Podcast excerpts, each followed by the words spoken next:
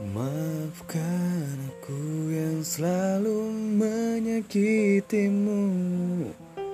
Mengecewakanmu dan meragukanmu